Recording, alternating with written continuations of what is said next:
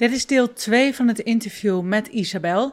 Als je deel 1 nog niet geluisterd hebt, adviseer ik jou om deel 1 te gaan beluisteren. Want anders val je midden in het gesprek en dan krijg je niet alles helemaal mee. En heb je deel 1 al geluisterd? Hartstikke leuk. Fijn dat je er nog een keertje bent. Heel veel plezier met het luisteren naar het interview. Maar dat was niet zo. Een heel stom voorbeeld. Bijvoorbeeld, stel je voor dat donderdag uh, valt. Uh, 1 juli is op een donderdag. Maar dan zet ik bijvoorbeeld neer woensdag 1 juli. Wat Oh ja. kreeg ik dus terug? Sabine, is het nou woensdag? Is het 1 juli of is het 2 juli? Wat is het nu eigenlijk? Precies. Nou, en daarvoor heb ik dus een online business manager die ook dat team veel meer kan aansturen. Ik vind het leuk om met mensen in gesprek te zijn. Ik vind het leuk om met het team in gesprek te gaan. Maar ik vind het veel leuker om het. Laat mij dat creatief alsjeblieft Ja, doen. precies. Dat, dat, Je bent meer de visionair. eh, ja, dat ik ja. denk van, oh, laat me dat doen. Laat me veel meer in dat creatieve stuk zitten. Want, ehm, nou, ik heb nu ook twee teamleden erbij aangenomen. En dan moeten we een proefopdracht moeten komen. Dan denk ik, ja, proefopdracht, ja, weet ik veel. Ik ben niet zo van de techniek. Qua dat soort dingen. Dus ik zei, nou ja, weet je, tegen de online business manager. maar wat. Jij moet met hun werken. Verzin jij maar iets waardoor jij kan zeggen: Ik vind haar niet alleen aardig, maar ze is ook goed in haar werk. Ehm, ze is ook proactief. Natuurlijk bij een proefopdracht. Eh, niet alleen tussen ons, wou ik al zeggen, maar ook voor de luisteraars. Waar hebben we steken in laten vallen? En we gaan dus gewoon kijken van, goh, pakken ze die ook op? Maar dat weet ik eigenlijk nog maar net sinds, ik denk anderhalf of twee maanden. Twee maanden geleden merkte ik echt dat ik, ik, wil, ik wilde de boel niet meer bij elkaar houden. Ik, ik, ik, denk, helemaal niet leuk Nee. op deze manier. nee, dat snap ik wel. En toen gaf ik dat aan, nou toen was het nog mijn technische VA, zo is ze binnengekomen. Toen werd het strategisch VA, nu inmiddels online eh, business manager. Ik zeg, eh, ja, hoe sta jij er eigenlijk bij? Wil jij groeien? Wat zijn je ambities? Waar wil je naartoe? En toen gaf ze dat aan. Ja, ik denk, dat zie ik wel zitten. Dat Ja. gaan we doen. En het is zo'n opluchting voor mij. En sinds die tijd zit ik ook weer lekker in het creatieve Oh, proces. Ja, en denk, business ook oh, meer groeien. Ja. Want dan heb jij tijd om aan je bedrijf te werken in plaats van dat je in het bedrijf werkt. Nou ja, ik, ze- ik zeg het nog wel eens tegen mensen. Dat ze in de masterclass geef ik ze dus een test. Dat eh, je hebt een berg. Je staat aan de ene kant van de berg. En er is een leuk feestje aan de andere kant van de berg. Nou, dan heb je twee keuzes. Je kunt over die berg heen lopen. Kost je drie dagen. Of er ligt spontaan ineens een tunnel. Heel magisch. Maar dan betaal je een tientje, kan je doorheen. En iedereen zegt, ik betaal het tientje en ik kan er doorheen. Zeg, dat is precies ik wat je in je business of in de salonbusiness fout doet. Eh, vooral in de salons, die hebben heel snel zoiets. Ik doe nog wel even een klantje tussendoor. Ik skip mijn lunchpauze wel even. Dus de snelle, hoe haal ik snel geld naar binnen de korte termijn? Ik zeg natuurlijk, je mag nog steeds voor een tientje door die tunnel heen. Maar realiseer je wel even heel goed waar je mee bezig bent. Dat je dus niet alleen in je bedrijf aan het werk moet. Maar dat je misschien soms ook eens over die berg heen moet. Dat je aan je bedrijf gaat werken. En daarvan zeggen de meesten wel, oeh, die was wel een beetje confronterend, Ja. Sabine. Want eigenlijk trek ik ze een beetje in het antwoord van, nou, doe het maar, doe maar met dat tientje. Weet je, even quick wing, even snel... eh, Dus als, als iets te mooi lijkt om waar te zijn, dan is dat meestal ook zo. Dus er Ja. zit altijd een eh, addertje onder het gras. hè. Je, je betaalt altijd een prijs Ja. ervoor. En daar hadden we het zo net in het zwembad ook nog natuurlijk even over. Dat iedereen is zo gewend om heel snel geld te willen maken. Heel snel een bedrijf op poten te willen Alles is snel tegenwoordig. Als ik nu mijn appje open, heb ik hier binnen een paar minuten mijn boodschappen. Eh, ik heb een vriend, maar als ik wil kan ik zo vreemd gaan via een appje. Dan doe ik wat swipes en dan heb ik iemand. Ehm, ze beloven je ook dat ze je snel rijk gaan maken met allerlei online video's. Dus het lijkt allemaal heel erg makkelijk. Alleen de prijs die je daarvoor betaalt is gewoon heel erg hoog.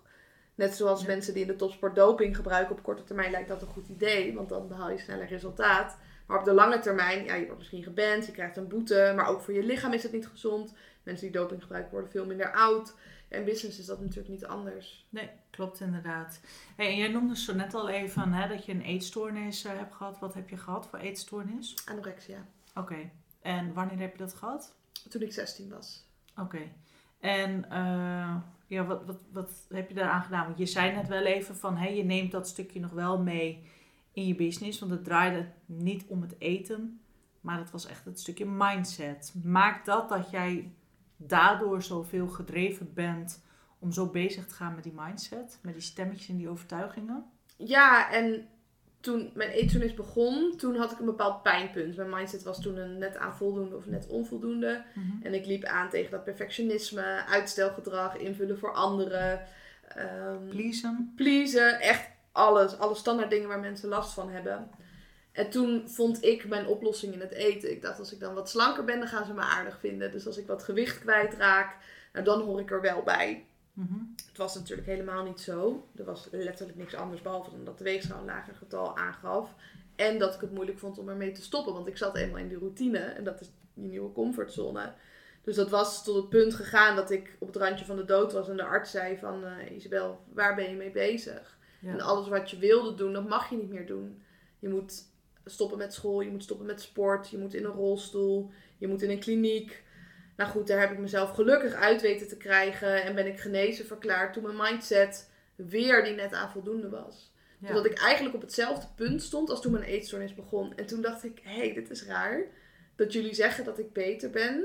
En dat snap ik, want ik ben niet meer ziek. Maar ik ben ook niet beter. Dus zodra er een tegenslag komt en ik weet niet hoe ik daarmee om moet gaan, dan val ik weer terug in mijn oude patroon. Ja. En nu weet ik wat mijn demonen zijn. En die wil ik niet meer op die manier aankijken. Dus ik wil niet op hetzelfde punt staan. Ik wil niet hersteld zijn, maar ik wil groeien. Ja. Dus ik wilde van die 5,5 naar die 9 of die 10 gaan. Dus dat was mijn passie voor mindset. Want ik kwam er ook achter dat toen ik dus weer hersteld was, dacht ik, nou dan ga ik vragen aan mijn leeftijdsgenoten hoe die dat doen. En die hadden allemaal last van precies dezelfde dingen. Dus Ja. voor de een leidt het tot een eetstoornis, voor de ander dat ze een depressie krijgen, een burn-out. Maar voor de meesten dat ze gewoon niet zo lekker in hun vel zitten. En toen dacht ik, wow, hier wil ik echt een verandering in brengen in onze maatschappij. Dat we niet meer de standaard maken van ja, dat het goed gaat en niet fantastisch. Nee, klopt. Nee, want de meesten, en ik schrik er ook van, dat eh, eh, heel vaak wordt geroepen, de jeugd van tegenwoordig is lui. Kijk, ik kom dan nog van een generatie waarop ik gewoon op mijn elfde al moest beginnen met folders lopen, dan een krantenwijk. Niks anders dan doorbuffelen, beuken en vooral niet luisteren naar je lijf. Dus voor mij is het soms ook nog wel een beetje een shockcultuur dat dan de jeugd zegt, nou ik werk niet zo hard, ik wil maar vier dagen. En denk ik, nou jezus, kom op zeg, je hebt een jong lijf, wat zeur je nou? Het Denk ik spiegelt soms wel iets in ons, hè, dat de jeugd dat doet. Terwijl mijn zus Ja. is nu ook vier dagen per week gaan werken. En ik ben zo trots op haar dat ze Ja. dat doet. Terwijl vroeger, of vroeger, nou, dat klinkt wel alsof ik 60 ben, dat ben ik niet. Ja, Maar- maar dat was echt niet normaal. Nee, maar je kon niet luisteren naar je lijf, terwijl ik er wel behoefte aan had. Maar ik was alleen maar bezig met iedereen te pleasen, want ik ging toen in een week tijd, eh, ik ging naar paardrijden. Ik deed een pergomano, ik ging naar basketbal, ik deed nog drie, vier keer in de week deed ik aan zwemmen. Dan had je de wedstrijden nog. Eh, Ik deed nog een jazzballet. Nou, noem maar, maar op. Ik kwam niet aan rust toe. Ik kom nou pas net sinds de laatste twee, drie jaar aan rust toe. Ja. Dat ik denk, en dat is ook wel, wel grappig nu ik het noem. Ik had er nog niet zo over nagedacht. Ik weet ook niet hoe jij er tegenaan kijkt. Ik denk, oh wacht even. Dus eigenlijk schop ik nu tegen iets aan waar ik toen zelf behoefte aan had. Mhm. Maar dat ik ook ergens wat jaloers ben. Ja, ik zij denk, doen het wel. En je had dat misschien toen zo graag gewild. En dan Ja, is het makkelijker om natuurlijk daar tegenaan te schoppen dan dat je die spiegel aanneemt Ja. en even naar binnen kijkt. En Ja. dat is vaak de dingen die ons triggeren, die willen ons eigenlijk wat vertellen. Dus als iemand te laat zou zijn en ik irriteer me eraan, natuurlijk, tijd is tijd en dat is belangrijk. Maar het feit dat ik me daaraan irriteer, dat zegt meer over mij dan over de ander. ja. En wat ik wel, en ehm, ehm, dat vond ik wel heel erg schrikken. Hoeveel jeugd, nou niet overspannen, maar ook middeltjes gebruiken. Eh, die grijpen naar bepaalde middelen dat ik denk, oh mijn god. Maar ik schrik met name van de mensen die geen uitweg meer zien. En die zich dus toch vergrijpen in nou, eigenlijk dodelijke acties. En dat ik soms denk, ik vind het echt niet meer normaal. Er is een trend gaande. Waarvan ik denk, hoe kunnen wij dit nog gaan stoppen? Hoe Ja. krijgen wij dit nog, dit nog terug? En natuurlijk, ik weet wel, het begint altijd bij één, weet je. En vanuit daar nog meer. Maar Maar ik snap het wel, dat toen ik vroeger wakker werd, de eerste mensen die ik zag waren mijn ouders en mijn zussen. En daarna zag ik de kinderen op school. En aan het einde van de dag ging ik weer naar huis. Het eerste wat kinderen nu zien als ze opstaan, zijn de perfecte plaatjes op sociale media. Die beginnen een half uur met scrollen op TikTok, Ja. op Instagram. Dus nog voordat ze een mens hebben gezien, hebben ze al het perfecte plaatje gezien. En zitten ze al waarschijnlijk in de mindset van, oh, ik ben niet goed genoeg. Ze hebben het wel en ik heb het niet. Ja. Dus als je dat elke dag doet, plus, en dan heb ik het nog niet eens over alle prikkels die dat teweeg brengt, waardoor je slechter slaapt, minder energie hebt, dus sneller in die mindset komt, dan snap ik wel dat zoveel mensen niet lekker in hun vel zitten. Had ik nooit over nagedacht, joh. Je- Ik denk, nou, waar ga je nou heen met je verhaal dat je eerst je ouders zag? Maar inderdaad, social media zien ze als eerste. Ja, Want er is ook een Netflix-serie van een hele bekende zussen of zo, ergens in Amerika. Maar die kampen dus met allemaal paniekaanvallen, weet ik veel wat. Eh, maar ja, ik denk dan, mijn god zeg, wat interesseert het toch hoeveel TikTok-likes je hebt. Maar Ja, hoe een- ongelooflijk ja. hard mensen daar zijn over, jij bent dik. En ik denk, nou dik? Man, die hebben nog niet eens maatje 32. ja online zijn mensen echt heel naar. Ook eh, heb ik bepaalde reacties gekregen op mijn YouTube-kanaal. En ik ben mentaal getraind, dus of ik reageer erop of ik verwijder ze. Maar als jij jong bent en kwetsbaar en mij raakte het al dat een aantal meiden op mijn school achter mijn rug om hadden gezegd dat ik te zwaar was. En het was ook zo, maar als Ja. je het dan hoort is het heel confronterend. Kan je nagaan als dat elke dag tegen je wordt gezegd. En als één media, begint dan op social iedereen het doen. Ja, precies. En het voelt zo machteloos, want je kan mensen er niet mee confronteren, want je weet vaak niet eens wie het is. Je kan het gesprek niet aangaan. Terwijl in real life kan je zeggen van, hé, hey, dit, dit raakt me, waarom zeg je dit tegen mij? Ja. Online gaat dat niet. Hoe ga jij daarmee om dan? Als jij dan zo'n reactie onder je YouTube-video krijgt. Eerst ga ik het even doorvoelen. Ja. Dat ik kijk van, oh, wat raakt dit in mij? Dat ik het niet ga bypassen. Dat ik niet ga zeggen, oh, het boeit me niet. Want het boeit me wel, want ik ja. vind het ook belangrijk dat ik van waarde ben. En ook ik vind het belangrijk om aardig gevonden te worden. En als het niet zo is, vind ik dat altijd jammer of dat mijn boodschap niet is aangekomen. En ik wil ook niet vanuit mijn emotie gaan reageren op iemand. Dat vind ik vrij zwak. Dus ik neem daar altijd eerst even de tijd voor. Niet alleen via YouTube, maar letterlijk bij alles. Als een klant bijvoorbeeld nee zegt tegen mij, dan klinkt het heel tof om te zeggen: Het maakt me letterlijk niet uit. Maar ik zeg ook tegen klanten: Oh, dat vind ik eigenlijk heel jammer. Want ja, ik zag de match en Ja. ik keek uit naar een samenwerking. Dus als iemand zo'n reactie plaatst, dan voel ik dat wel even. Dat ik denk: Oh ja, dit, dit raakt me, het mag me raken. Ik voel me afgewezen. En dan bepaal ik: Vind ik deze reactie van toegevoegde waarde? Is dit op mij als persoon of op de inhoud? En op de inhoud ga ik in, op mij als persoon ga ik niet in. En dan bepaal ik ook nog van is dit voor toegevoegde waarde van andere mensen of verwijder ik de reactie, want het doet meer kwaad dan goed. Dus Ja. zo ga ik daarmee om. Oh, dat vind ik knap. Ik moet ook eerlijk zijn, daar heb ik dan nog wel werk op te doen. Ja, Want ik was altijd het eerste type van als ik zo'n reactie kreeg, dan dacht ik, zo, hoe kan ik je plat bombarderen, Ja. weet je? en dat voel ik ook hoor, die boosheid. Ja. Tuurlijk. Ik, En- pak je, ik heb ook de skills Ja. Nou, toen had ik inderdaad de vaardigheid ontwikkeld. Ik doe alsof het mij niet meer raakt. Ja. Nou, toen ben ik vervolgens heb ik een nieuwe tactiek ontwikkeld de afgelopen twee jaar.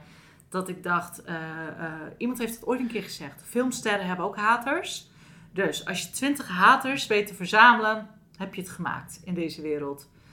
Maar nu hoor ik jou dit zo allemaal zeggen. je hoofd dit. Ja, maar nu hoor ik het jou zeggen. Ik denk, wacht eens even. Ik denk, maar nou deal ik er nog steeds niet mee. Ik, ik loop er nog steeds helemaal omheen. Oké, oh, Ga het dat gewoon maar eens voelen. En we hadden het net ook even over de kids. Dat we die ook niet willen afwijzen. Dus we leren ook niet om die afwijzing aan te nemen. En om die even te doorvoelen. En te zien van, oh, dit doet het met me. Wat we ook geneigd zijn bij kinderen om te doen, is het uitleggen. Hè? Dit mag niet om deze en deze en deze reden. In plaats van, het mag niet. En dan zeggen, al wat naar voor je, want je had het wel gehoopt. Hè? En even samen zitten met dat gevoel van afwijzing of teleurstelling. En ik denk als we daar comfortabeler mee worden, dan durven we ook meer stappen uiteindelijk te zetten. Ja. Want waarom nemen ondernemers vaak geen stappen? Ja, ze willen geen nee's krijgen. Ze willen niet afgewezen worden, ze willen niet falen. En we mogen meer comfortabel worden met dat gevoel. Zou dat ook de reden kunnen zijn dat ook heel veel ondernemers niet in actie komen? Dat Ja. ze juist in die afwachtende fase gaan zitten. Ja, en ook wel zeggen, ja, de klanten moeten maar naar mij toe komen. En als ze niet zien dat het goed is, nou, dan hoef ik die klanten ook niet. Ook weer allemaal bypassen daarvan.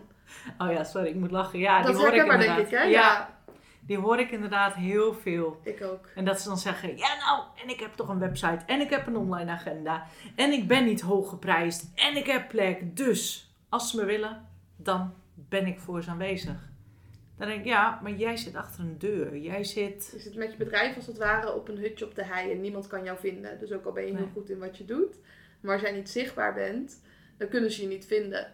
En ook als je zoiets hebt van, oh ik ben beschikbaar, dat vind ik ook het interessante. Juist als je niet beschikbaar bent, dan willen mensen je nog liever. Dus Ja. dat zegt ook weer niet alles. Mensen denken vaak, oh dan gooi ik mijn agenda maar open, want dan kan ik altijd. Dan is Ja. dat geen belemmering voor de klant. Nee. En het is heel maf hoe dat werkt, maar dat vinden klanten helemaal niet leuk. Dat is hetzelfde als in daten. als ik met een man date. En die zegt, ik kan elke dag met je afspreken. Maandag de hele dag, dinsdag. Je, je voelt hem al, hè? Dat nee, het helemaal is mij top. al gebeurd inderdaad. Ja? Toen zeven jaar geleden, toen ik vrijgezel was, was ook van, nou ik wil wel afspreken. Maar dan zeiden ze van, nou stel jij maar wat voor. Nou, ik Oh, kan. nee. En toen dacht ik, ik kan. Wacht even, ik denk, heb jij geen leven? Heb jij geen werk? Ik heb wil jij dat een man niet- met twee opties komt. Ja, Dus toen ik met mijn vriend ging daten, zei hij of zondagavond, of eh, nee, zondagmiddag was het toen, of een woensdagavond. Toen dacht ik, nou, ik wil wat langer met je spenderen, dus doe maar eh, zondagmiddag en avond. Maar als hij had gezegd, ik kan elke dag van de week, was ik niet met hem op date gegaan. nee, nee. Ik wil dat iemand een leven heeft. En ook als ik dus een traject bij iemand doe of een product afneem, dan wil ik ook dat die ondernemer een eigen leven heeft. Ja, klopt. Dat is wel grappig. Ik moet nog denken, ik heb een keer met het daten beleefd. Toen had ik mijn auto geparkeerd. En ik liep heen naar de plek waar we hadden afgesproken. En ik zag hem staan in zijn lichaamshouding. Ik hou van mensen, weet je, die gewoon rechtop staan. Eh, zoals, eh oh, ik ben altijd de naam kwijt. Die Helga, nee, ze heet anders. Mhm, van... Nou, die is altijd van eh, de plastische chirurgie geweest. Die zei altijd lipjes getuigd. Ja, van, vooruit. ja, Marijke van Helwegen. Zij ja. En die vent die stond echt, weet je, met die schouders naar beneden, helemaal een bolle rug. En dat ik dacht, nee, Dan Oké. weet je het al, hè? nee, ik, ik kan helemaal niks. Maar ik wou schijnheilig me omdraaien, want hij had mij nog niet gezien. Maar dat was mij de eer een beetje te na. Dus ik ben er naartoe gelopen en hij zei, oh wat leuk, zullen we naar het restaurant lopen? Ik zei, nee. Ik zei, ik kwam aanlopen, ik voel het niet, dat is het niet. Oh, wat goed. En toen zei hij, wat heb ik verkeerd gedaan? Ik zei, wil je het echt weten? Ik zei, wil je echt mijn mening weten? Ik zeg, of heb je liever een, een, een van politiek correct antwoord? Nee, zei, ik wil het echt weten. Nou, ik zie, je stond er eigenlijk bij als een of andere zoutzak. Ik zei, dat vind ik gewoon niet aantrekkelijk. Kon hij dat hebben? Kon hij dat aannemen? Aannemen in die zin, het verbaasde hem zo erg, dat zag je. Hij nam, hij nam hem aan, maar hij had het nog niet verwerkt. Ja. Ik denk dat dat de beste bewoording is daarin. Maar dat iedereen tegen me zei, Sabine, hoe kun jij zo echt een bitch, hoe kun je zo'n Nee, ijskoude... want je verspilt ook zijn tijd. Ik ben ook laatst met een man een rondje gaan lopen. En het, het was een date. En ik voelde al na 10 minuten van, het gaat hem gewoon niet worden. Hij wilde aan de binnenkant lopen langs de weg, want hij was bang voor de auto's. En toen dacht ik, ja, nee. dit, nee, dit gaat hem niet worden. Nou ja, hij kan je dan als het ware Hij kan me niet niet dragen. Nee, Ja. en dat voel ik meteen. En daarna ging hij allemaal over zijn problemen vertellen. En hij was heel veel aan het praten en weinig aan het luisteren. Dus toen zei ik na 10 minuten van... Ik vind het moeilijk om met je te delen, maar ik voel gewoon dat het hem niet gaat worden. Dus ik wil ook niet jouw tijd verspillen. Dus ik denk dat we beter om kunnen draaien en naar huis kunnen gaan. En dat vond hij wel moeilijk, maar ik vind het helemaal niet egoïstisch. Ik vind het egoïstisch om niet te zeggen wat je denkt. Om de ander maar een goed gevoel te geven, maar daarmee dus onnodig veel ruimte in te nemen van een ander. Dus ik denk dat het aardigste is wat je kan doen, aangeven wat je voelt en wat je denkt. Ja. Dus stel dat jij eh, bij mijn coaching zou zijn en je zou week na week zeggen: Oh, mijn doelen lukken niet. En met allerlei hele goede redenen aankomen. En ik zou met jou meepraten. Dan vind ik mezelf een bitch. Ja. Niet als ik zou zeggen: Joh, je doet het al vier weken niet. Wat is er aan de hand? ja. Wat is er aan de hand? Vertel eens, communiceer eens. Vertel eens wat er open. echt aan de hand is. En niet al die redenen die je noemt. Want dan kunnen we het hebben waar het echt over gaat. Ja. Nou ja, daarvoor ben je ook bij een coach. Exact. Maar dat, zo doe ik dat met alle mensen in mijn omgeving. Ja. Dat, ja, ik, ik spiegel iedereen daarin, want dat is een onderdeel van wie ik ben. En de mensen die nu bij me zijn, die kunnen dat ook heel goed hebben en die waarderen dat. En de mensen die dat egoïstisch vinden, ja, die moeten dan eh, bevriend zijn met mensen die dan met ze meepraten. ja. Maar dat, ja, dan mis ik het stukje diepgang en groei in mijn vriendschappen. En groei is voor mij een van mijn belangrijkste kernwaarden. Ja. En weet je, iedereen verandert ook. Hè? Vriendschappen die je ooit had, die hoeven nou niet meer hetzelfde te zijn daarin. Nee. Ik had dat, eh, ehm, want als je het even hebt over het coachen. Ik merk soms nog wel eens, ik coach natuurlijk en in mijn bedrijf. Ik merk ook aan de salontafel dat ik dan ook nog wel eens mensen wat coach. Ja. Maar soms ook nog wel eens in het privé. Dat ik zo Oh ja, ja, dan moet ik dat echt uitzetten, inderdaad. Ja. Maar we hadden, eh, we hadden eh, eh, laatst had ik zeg maar iets in mijn interne kring. Ik wil niet iemand benoemen of zo hoor. Ehm, maar dan was het ook van, ga je dan dit en dit doen? Ja. Oké, hoe dan? Gewoon. Dan ben ik gewoon sneller. En eh, vervolgens zei ik, nee, ik zei, wat is nou je echte plan? Weet je, hoe gaan we het opdelen en, in stappen? En toen lukte het wel. En toen zag ik gelijk weer het stukje van, oh fuck, gisteren was het niet gelukt, want het was een dagelijks terugkerend ding. Naar ineens, het is gelukt. Maar hij miste ja, gewoon even een tool daarin. Hoe je het eigenlijk moet aanvliegen. En eh, met alles wat jij beleefd hebt, met anorexia, met het topsporten, hoe pas jij dat nu allemaal toe in je bedrijf? Neem je dat allemaal mee, die hele ervaring? Ja, ik heb toen met een, met een bepaalde methode gewerkt om dus te genezen van mijn eetstoornis, om topsporter te worden en om mijn bedrijf te bouwen en nu mijn bedrijf verder uit te bouwen. Dus al die principes pas ik nog steeds toe. Ja. Het is net zoals dat sporten altijd gezond zal blijven voor je. Ja. Dat, het is niet dat je één keer naar de sportschool gaat en dat je dan klaar bent voor de rest van je leven. Dus ook ik beoefen nog steeds bepaalde dingen om mijn mindset te trainen, om mijn relaties te trainen, om een nog gezonder lichaam te krijgen, om een nog beter bedrijf te bouwen. Dus daar ben ik elke dag mee bezig om daarin te groeien. En krijg je dat ook terug van je klanten? Ja, zeker. Ik trek ook een ander type klanten daardoor aan. Dus toen ik begon met ondernemen, trok ik nog wel bepaalde klanten aan die ik nu niet meer zou coachen, omdat het mij ook niet meer uitdaagt. En nu trek ik ook topondernemers aan. En die komen bij mij om iets te leren. Dus dat vind ik heel gaaf om te zien. En dan moet ik ook een coach zijn op topniveau. Dus dan kom ik niet meer weg met fouten waar ik toen wel goed mee wegkwam. Ja. En dat vind ik ook heel leuk, want dat houdt mij weer scherp. Ja. Hey, en over beginnen en fouten. Als jij nu weer opnieuw mag beginnen, hoe zou jij dat aanpakken? Leuke vraag. Ja, ik ben met vier dingen tegelijk begonnen toen ik begon met het ondernemen. Al snel kwam ik erachter dat dat niet zo goed voor me werkte. Maar ik vraag me af of ik dingen echt anders zou doen. Omdat heel veel dingen die ik deed, deed ik met de kennis die ik toen had. En die hebben mij wel gebracht tot het punt waar ik nu sta. Ik kan, mhm.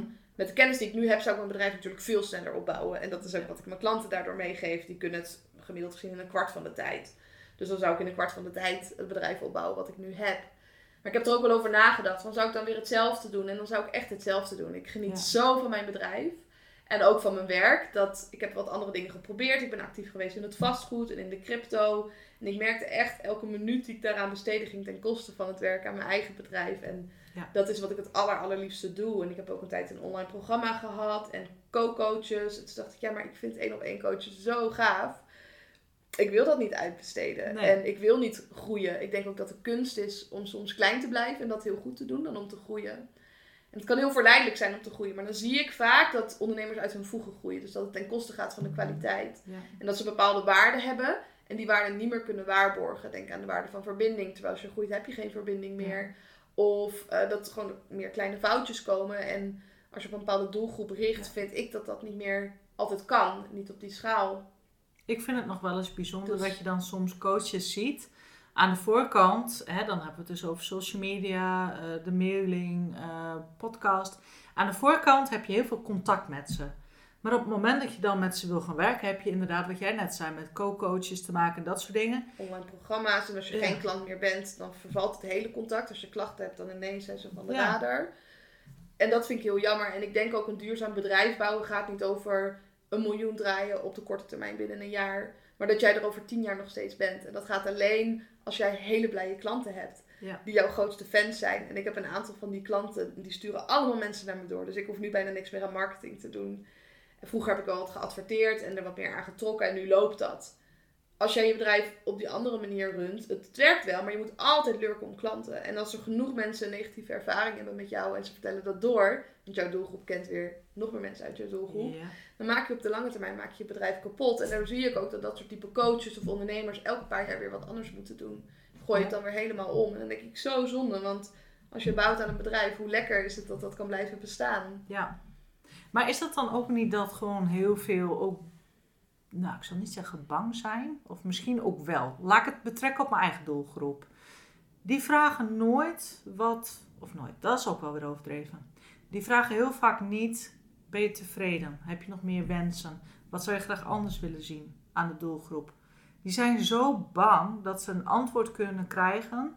Oh ja. Wat ze eigenlijk niet willen horen. Ja, ik vraag altijd feedback. Ik heb vandaag een coaching afgesloten met iemand en dan vraag ik echt: wat vond je er niet goed aan? En vertel het me alsjeblieft. En als je nu niks weet, vertel het me dan later op de app. Want ik wil me verbeteren. Dus altijd iets. Dus op een gegeven moment kreeg ik heel veel te horen van klanten. Van ik had je toch wel graag willen zien in het traject. En meer willen zien was met name toen in coronatijd. Toen dacht ik, oké, dan ga ik dat toevoegen in mijn coaching. Ja. Of ehm, ja, dat, dat mensen wat meer diversiteit willen. Dus nu werk ik ook met bloedtesten in de coaching. Ga ik met ze trainen. Dan behandel ik ze echt als topsporter. Maar ik denk ook dat veel ondernemers wel weten dat bepaalde dingen niet helemaal zuiver zijn. En het toch doen voor de korte termijn winst. Dus dat ze met allerlei valse beloftes komen om hun klanten over te halen om te kopen. Ja. Omdat ze toch die targets willen behalen. Ja, dat soort dingetjes hoef je niet te vragen aan je klanten. Dat weet je wel dat je dat doet. Ja. Dus ja, ik zou daarmee stoppen en echt focussen op de lange termijn. En ik kan me het wel voorstellen, want als je die omzet wilt draaien, die winsten wilt draaien, dan lijkt het zo makkelijk om dat tientje te betalen en door die berg heen te gaan. Maar het loont om over die berg heen te klimmen en dan maar wat minder om te zetten. En dan maar die targets niet te halen of misschien helemaal los te laten. En op lange termijn, ik heb nu een wachtrij van een half jaar, gaat het zich echt uitbetalen. Ja. Nou ja, en over die berg gesproken. Ik bedoel, niemand gaat er dood van. Als je een keer drie dagen erover doet om over die berg heen te komen. Dan ben je gewoon, ik denk, yes, ik ben Ik ben er. zo blij als ik een training heb gehad en ik heb alles gegeven wat ik had.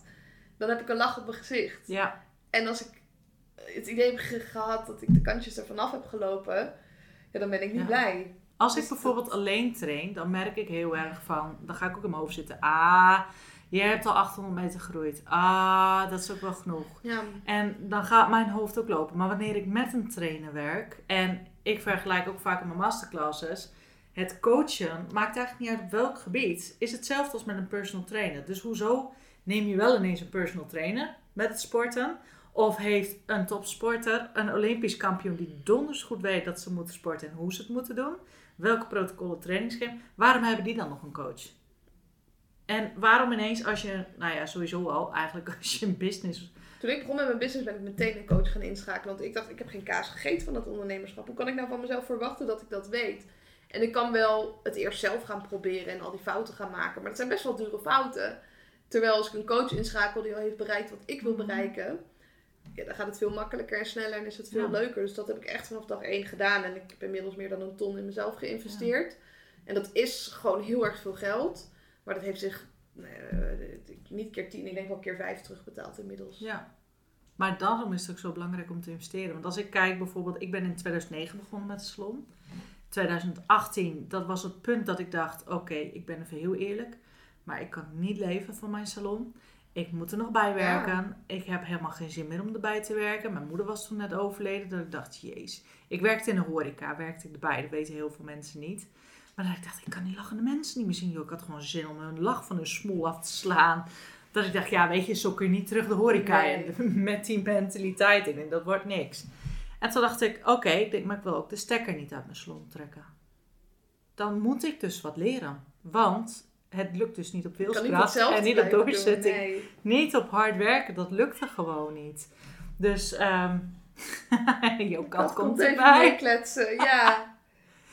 Deze is de meest spraakzame van de twee. De andere die geeft eerder kopjes aan de microfoon. Oh, Deze heerlijk. kletst soms gezellig mee. Lekker is dat. Nee, maar dat is echt, sinds ik dus in 2018, kijk, jij bent gelijk ermee begonnen. Ja, maar Ik ik, had heb dus- wel een buffer. Dus dat vind ik ook altijd belangrijk om te benoemen. Mijn moeder is ook overleden en ik heb toen een voorschot gehad op de erfenis. Dat heb ik gebruikt voor coaching. En anders Ja. had ik ook in loondienst er nog bij gezeten. En ik had wat spaargeld. Ehm, maar anders raad ik mensen altijd aan om een baan erbij te nemen in loondienst. En dat dus gestaag te doen. En niet Ja. in één keer te stoppen met alles en dan maar hopen dat je business gaat lopen. Nee, dat vind ik het domst om Dat vind ik heel dom. En dan ga je het vanuit stress doen. En Ja. dan krijg je al die verkooptrucjes, Ja. slash misleidingen, om maar klanten te komen. Nou ja, ik heb ook nog de salon. En ik doe dat omdat ik het leuk vind, omdat ik mijn inkomen eruit haal. En ik bouw ondertussen de academie op. Net zolang totdat daar gewoon het inkomen uitkomt. En dan kan de salon weer een stukje terug. En op een gegeven moment ga ik daar gewoon mee stoppen. Ja. Want ehm, ik wou daar nog iets over zeggen, dan weet ik niet meer helemaal precies wat. Over de coaching. Oh ja, dat ik dus toen ik eh, ben begonnen met die coaching, dat ik mij wel binnen een jaar kon redden. Ja, Ze ja dat gaat niet- veel sneller, hè? Ja. En dat ik echt dacht, oh, dat was eigenlijk ook voor mij de reden dat ik dacht, wacht eens even. Ik dus ik heb negen jaar geploeterd, kon mijn kop niet boven water houden. Oh, dat- ik neem een coach. Ik denk, ik leer dingen die ik gewoon echt niet wist. En achteraf, daar voor mij op terugkijkend, had ik gewoon veel eerder een coach. Maar ik had vooral moeten toegeven dat ik vakvrouw was, maar geen ondernemer. Ja, en dat vinden mensen soms ook nog moeilijk van het inschakelen van een coach, dat het dan wel lukt en waarom ze het dan niet eerder hebben gedaan. Dus het is niet de angst om te falen, maar ook de angst voor succes. En waarom Oh, heb je ja. dan al die tijd zo druk gemaakt? Ja. Ehm, Maar er zijn ook heel ja. veel die zeggen, ik ne- je neemt pas een coach als je in de shit zit. Oh ja. Of als ze succes hebben, dat ze het eerst willen verdienen voordat ze met een coach Oh ja, ik moet het eerst verdienen en dan pas mag ik. En jij zei net, en dat vond ik wel grappig, dat je zei van eh, nee, je blijft in loondienst of hè, je geld in elk geval verdienen. Ik heb in mijn mailfunnel, volgens mij is het het tweede of derde mailtje of zo, als mensen een e-book downloaden. Van goh, als je nou met mij wil werken, maar je hebt bijvoorbeeld geen geld, dan ga je maar schoonmaken ergens.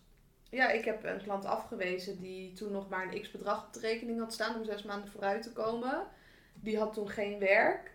En toen stond ze dus voor het dilemma, ga ik dat in coaching stoppen of ga ik een nieuwe baan zoeken? En toen heb ik tegen haar gezegd, je gaat een nieuwe baan zoeken, want anders heb je 0 euro meer op de rekening. Ja. En dan ga je niet ondernemen vanuit vertrouwen, maar dan ga je vanuit angst ondernemen. En dat is geen stevig En fundament. dat het moet slagen, Ja. want Dan anders... kan je niet meer spelen. Nee, precies. Nee, daar hadden we het in het zwembad ook nog eventjes over. Dat natuurlijk mijn eerste lancering dan op wilskracht en op... Ik wil wel lachen om jouw kat. Ja. Niemand die ziet dat. Dus eh, lekker Maar, halen. Eh, dat ik dus eerst echt op wilskracht heb gedaan. Dat ik dacht, dat doe ik niet meer. De tweede ging ik aansturen op conversie. Dat al de vanuitgaande welke verkopers zouden komen. Nou, dat flopte dus gigantisch. Ja. Dus ik vloog in, oh zie je wel, ik kan het niet, paniekreacties, dat soort dingen. Om vervolgens wel weer een webinar te geven waarbij ik alles heb losgelaten. Dat ik gewoon dacht, ik doe gewoon alsof er honderd mensen zijn. En dat ik in elk geval aan één persoon waarde kan geven. Ja, vanuit daar doe ik ook alles. Dus ik kijk niet naar de cijfers van mijn podcast. En mensen vinden dat vaak heel gek. Maar al luistert er één iemand naar mijn podcast, dan is het voor mij waardevol genoeg. Of ik ben mijn bedrijf gestart met, als ik maar één iemand kan helpen, dan is het voor mij genoeg. Want het heeft mijn leven veranderd. Dus als ik het leven Ja. van één iemand mag veranderen, ja. Ja. dat vind ik al heel gaaf. En inmiddels heb ik het leven van duizenden mensen mogen veranderen. Ja. Dus ja, ik doe nog elke dag met heel veel plezier wat ik doe. En ik sta ook elke dag op met het idee van, ik ga vandaag één iemand helpen. Hey, wat voor tips zou jij geven als mensen nu bijvoorbeeld zeggen van... Goh, ik zou eigenlijk wel een coach hebben. Ik bedoel, we hebben het al gehad over geld. Ja, Ik bedoel, je gaat geen... Ik, tenminste ben ik van mening, je gaat geen lening voor afsluiten. En je besteedt ook niet je laatste geld als een of andere reddingsboei, zeg maar, eraan. Maar wat voor tips zou jij geven met betrekking tot een coach? Nou, als je het geld niet hebt, ga onderhandelen met je coach. Dus dat betekent niet dat je korting gaat vragen. Maar ik zie vaak dat coaches standaard hun hoogste product of dienst, of hun duurste product of dienst aanbieden. Ja, brutale hebben de wereld. Dat geef ik mijn klanten ook altijd mee. Dus vraag dan gewoon aan de coach van... Ja, dat, dat geld heb ik oprecht niet. En ik ben ook niet bereid om dat te lenen. Kan ik niet met jou een uurtje sparren? Of kan ik niet een dagje met jou zitten? En dan ga ik dat geld verdienen en dan ga ik jou bijvoorbeeld voor langere periode inhuren. Dus dat is ook inmiddels iets wat ik aan mijn product eh, heb toegevoegd. Dat ik een dagje met mensen ga zitten en met ze mee ga denken. Omdat ik er ook niet achter sta dat ze dat geld gaan lenen. Nee. Of eh, dat ze dus vanuit angst bepaalde dingen gaan doen en laat ze spaargeld daarvoor gaan gebruiken. Dus wees brutaal.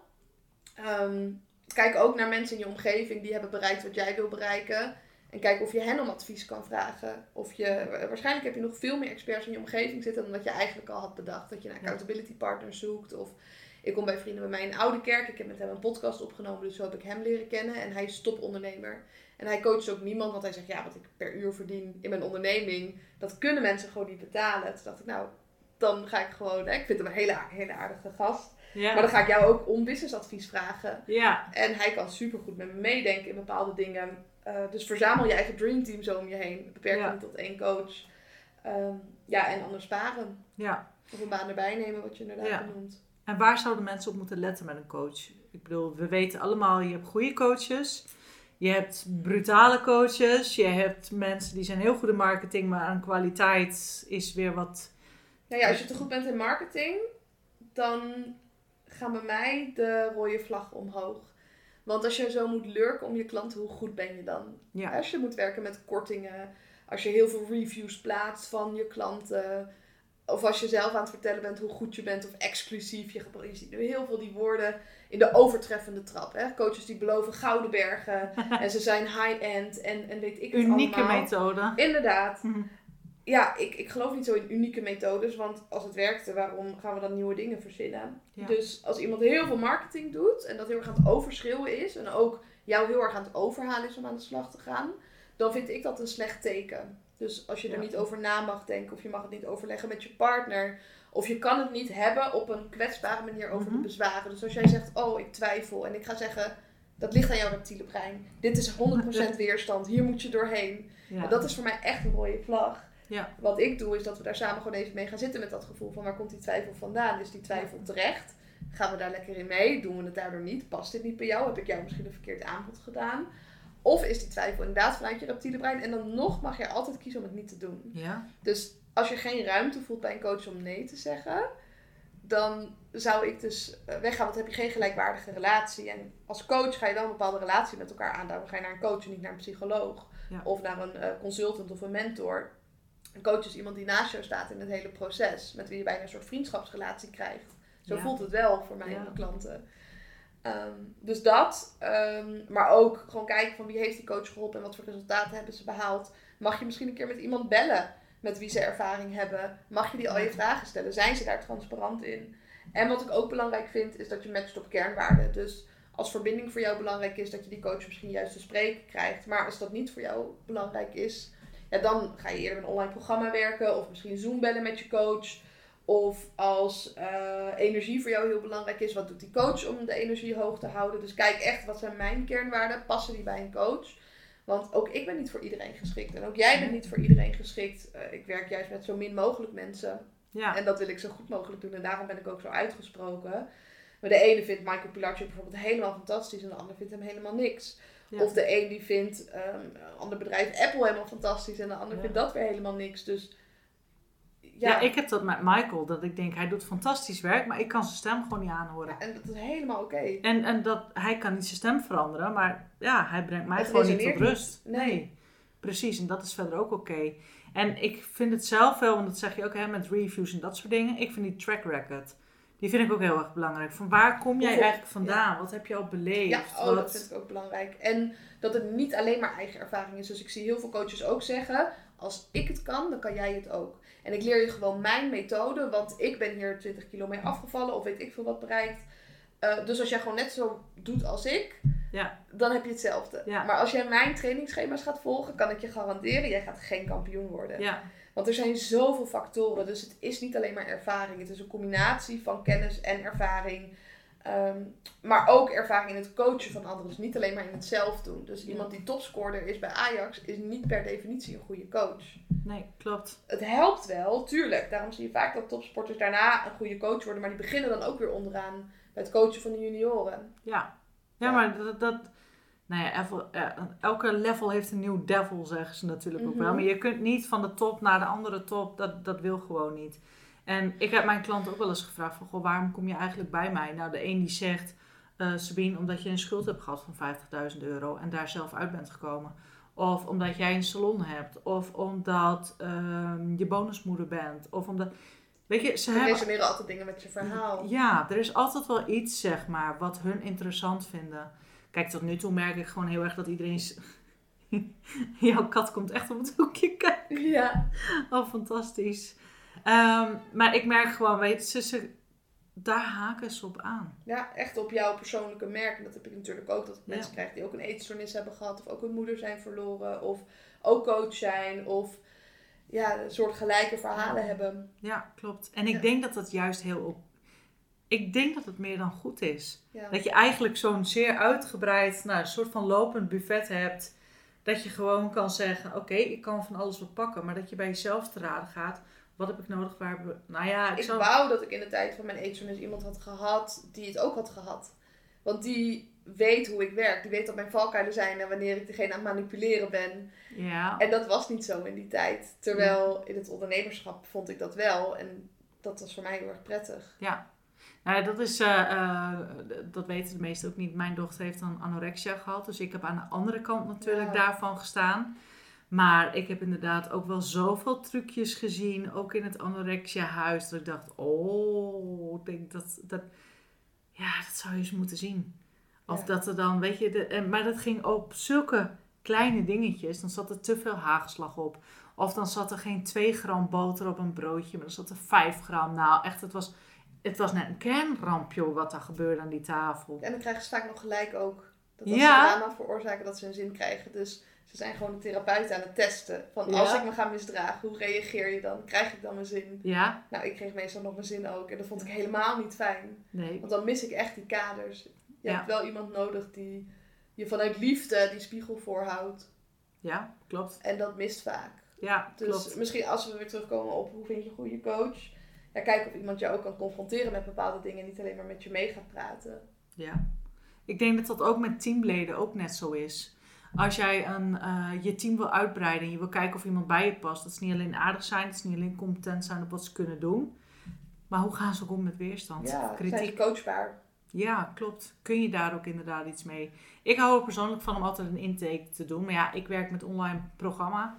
Ja, eh, soms gaat ook iemand er zomaar in.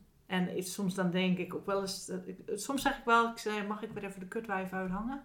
Ontsla je dan ook wel eens klanten? Tot nu toe nog niet.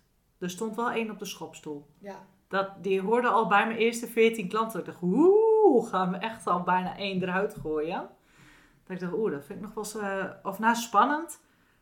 Ehm, Onwennig misschien als het de eerste keer nou, nee. Ik zat heel even na te denken wat er gebeurde. Er gebeurde eigenlijk iets, eh, verschillende dingen gebeuren er. Oké, ga ik echt iemand uit de groep zetten? Wat gaat daar gebeuren op social media? Hoeveel gezeik krijg ik daar achteraf van? Kan iemand pakken wat ik zeg? En Sabine, je hebt eigenlijk het geld wel nodig. Ja. Want je wil je team laten groeien. Ja, al die Dus dingen. er gebeurde ja, eigenlijk een heel pakket zeg maar, aan, aan dingen. En toen ben ik gewoon voorzichtig gaan testen met het... ehm, nou, ik zat nog een beetje in de aardig confronteren. Dat ik dacht, nee, ik ga je nu echt confronteren. En hoe jij nu dan gaat reageren, dat bepaalt of jij mag blijven, ja of nee. Of je kan pakken wat ik zeg, ja of nee, want anders dan ben je gewoon niet coachable. De, de, de, dan, de, dan wordt, genoeg hè, dat je bijvoorbeeld zegt tegen iemand van joh, ik ga heel eerlijk met je zijn. Ik zit eraan te denken om jou uit het programma te halen. Hoe zou dat voor je zijn? Hoe is Ja. het voor jou dat ik dit tegen je zeg? Ja, nou dat is al voor mensen dat ze zeggen, "Oh, moet ik uit de groep? Ja. Dat wil ik helemaal niet. En eh, je, nou ik zal niet zeggen dat ik de controle wil pakken, maar je pakt de controle bij een ander ineens. Ik is weet ook niet of het controle is, of dat het juiste woord is. Ja, Nou ja, een klant voelt heel snel, ik ben degene die bepaalt of ik hier de blijf klant of is niet. koning. Ja, maar dat is niet zo. Nee. Ik heb ook wel eens klanten ontslagen. Ja. Maar wat doe je dan? Zeg je dan gewoon, nou je hebt tot en met hier genoten van de opleiding en de rest krijg je gewoon terug? Ja, Alles of... nou, ligt eraan wat de reden is daarachter. Eh, maar als ik dat bepaal voor iemand, afhankelijk natuurlijk van hoe dat is gegaan, dan krijgen ze wel het resterende bedrag terug. Eh, en vaak bespreek ik wel van wat is de reden. Ja, precies. Ja, Cool. Ja, want er hoeft maar één rotte appel in de schaal te zitten en je hele schaal raakt beschimmeld. Dus soms is het Mhm. beter om te zeggen van we stoppen ermee, Ja. dan dat je erin doorgaat. En ik wil dat mensen fan blijven. Ja. Dus ja, de klant is koning in die zin. Het betekent niet dat ze maar eeuwig klant mogen blijven, maar wel dat ik zeg van ik denk oprecht dat het voor jou beter is om hier niet mee door te gaan. Ja. Maar dan doe je het toch ook echt uit pure oprechte intentie. Ja. En dan gaat het, draait het niet meer om geld. Het draait niet meer om Het aantal draait, of ja, het draait of- sowieso niet om geld, vind ik Nee. hoor. Ik snap wel dat je je rekening moet betalen, maar Ja. Ik moet wel zeggen, ik ben nu al een paar keer benaderd door een aantal mensen op Instagram. Eh, want we hadden het net over een goede coach. En dan vragen ze dingen, maar dan vragen ze nog een keertje door, weet je. En toen dacht ik, nou, denk, daar moet je echt mee stoppen. Dat pushen, daar hou ik niet van. je voelt het meteen, hè? Als ze staan Nee. te lurken om klanten. Dat ze, ik krijg heel vaak benaderingen voor samenwerking dat ze mijn social media willen overnemen. En dan heb ik gezegd, joh, heb je toevallig gekeken op mijn social media? Ja. Zie je niet dat het al overgenomen is? Dus doe even je huiswerk. Of dat ze inderdaad al heel gericht je willen coachen. En dat je, ja, Ja, maar vooral dat ze dan vragen, waarom kom je niet in mijn programma? Waarom kom je bij mij? Mhm. misschien dat ik business coach in mijn beschrijving heb staan dat ik dat nooit heb. Maar wauw. Nou, ik denk omdat jij al een aardige statement neerzet en ik nog echt in de lieve hè, fase zit, zeg maar. Ja. Maar dat ik soms denk, waarom niet? Huh? Nou, nee. Dat irriteert me gelijk al. Ja. Dat is toch hetzelfde als dat ik zeg, spring jij hier van het balkon af? En Moet je met zeg- kindjes krijgen, daar vergelijk ik het dan eerder mee. Nou ja, ook, ja, nee. En als dan een man zegt, ja, maar hoezo niet? Nou, op de eerste date. Exact. Inderdaad, ik zeg, hoi, ik ben die. En, eh, oh ja, by the way, ik wil graag vier kinderen van jou. Ja, en we gaan wonen in mijn woonplaats. Ja. En eh jij komt bij me intrekken. Dan denk je toch, wat? Nou ja, ik dacht, als dit dus al zo gaat over de DM heen. Ja, hoe gaan eh, we met dat ik zeg, nou wat leuk dat je een reactie, ik blijf altijd heel netjes. En dan komt, waarom, nee, kom je op mijn, eh, weet ik veel wat of zo, ze vragen iets. Kom in mijn programma, kom bij mijn live dag, weet ik veel wat. Maar dat, de derde vraag is, waarom niet? Oh ja, ik stel een vraag terug. Ik vraag, hoe werkt dit voor je? Ja. Ja, maar dan ben je in gesprek. Maar bij mij vindt er helemaal geen gesprek plaats. Dat, het Nee, dat een- zeg ik als standaard terug Ja. hoor. Dat als ze me gaan benaderen en ik vind het echt Oh, zo ongepast, bedoel je, ja. Dan eh, paas ik hem terug, want ik kan wel vanuit mijn eigen emotie komen. Maar zij komen ook vanuit hun pijn. Dus dan spiegel ik ze door echt te vragen. Ik word regelmatig benaderd van, mag ik in jouw podcast komen? Eh, neem mijn diensten af, et cetera.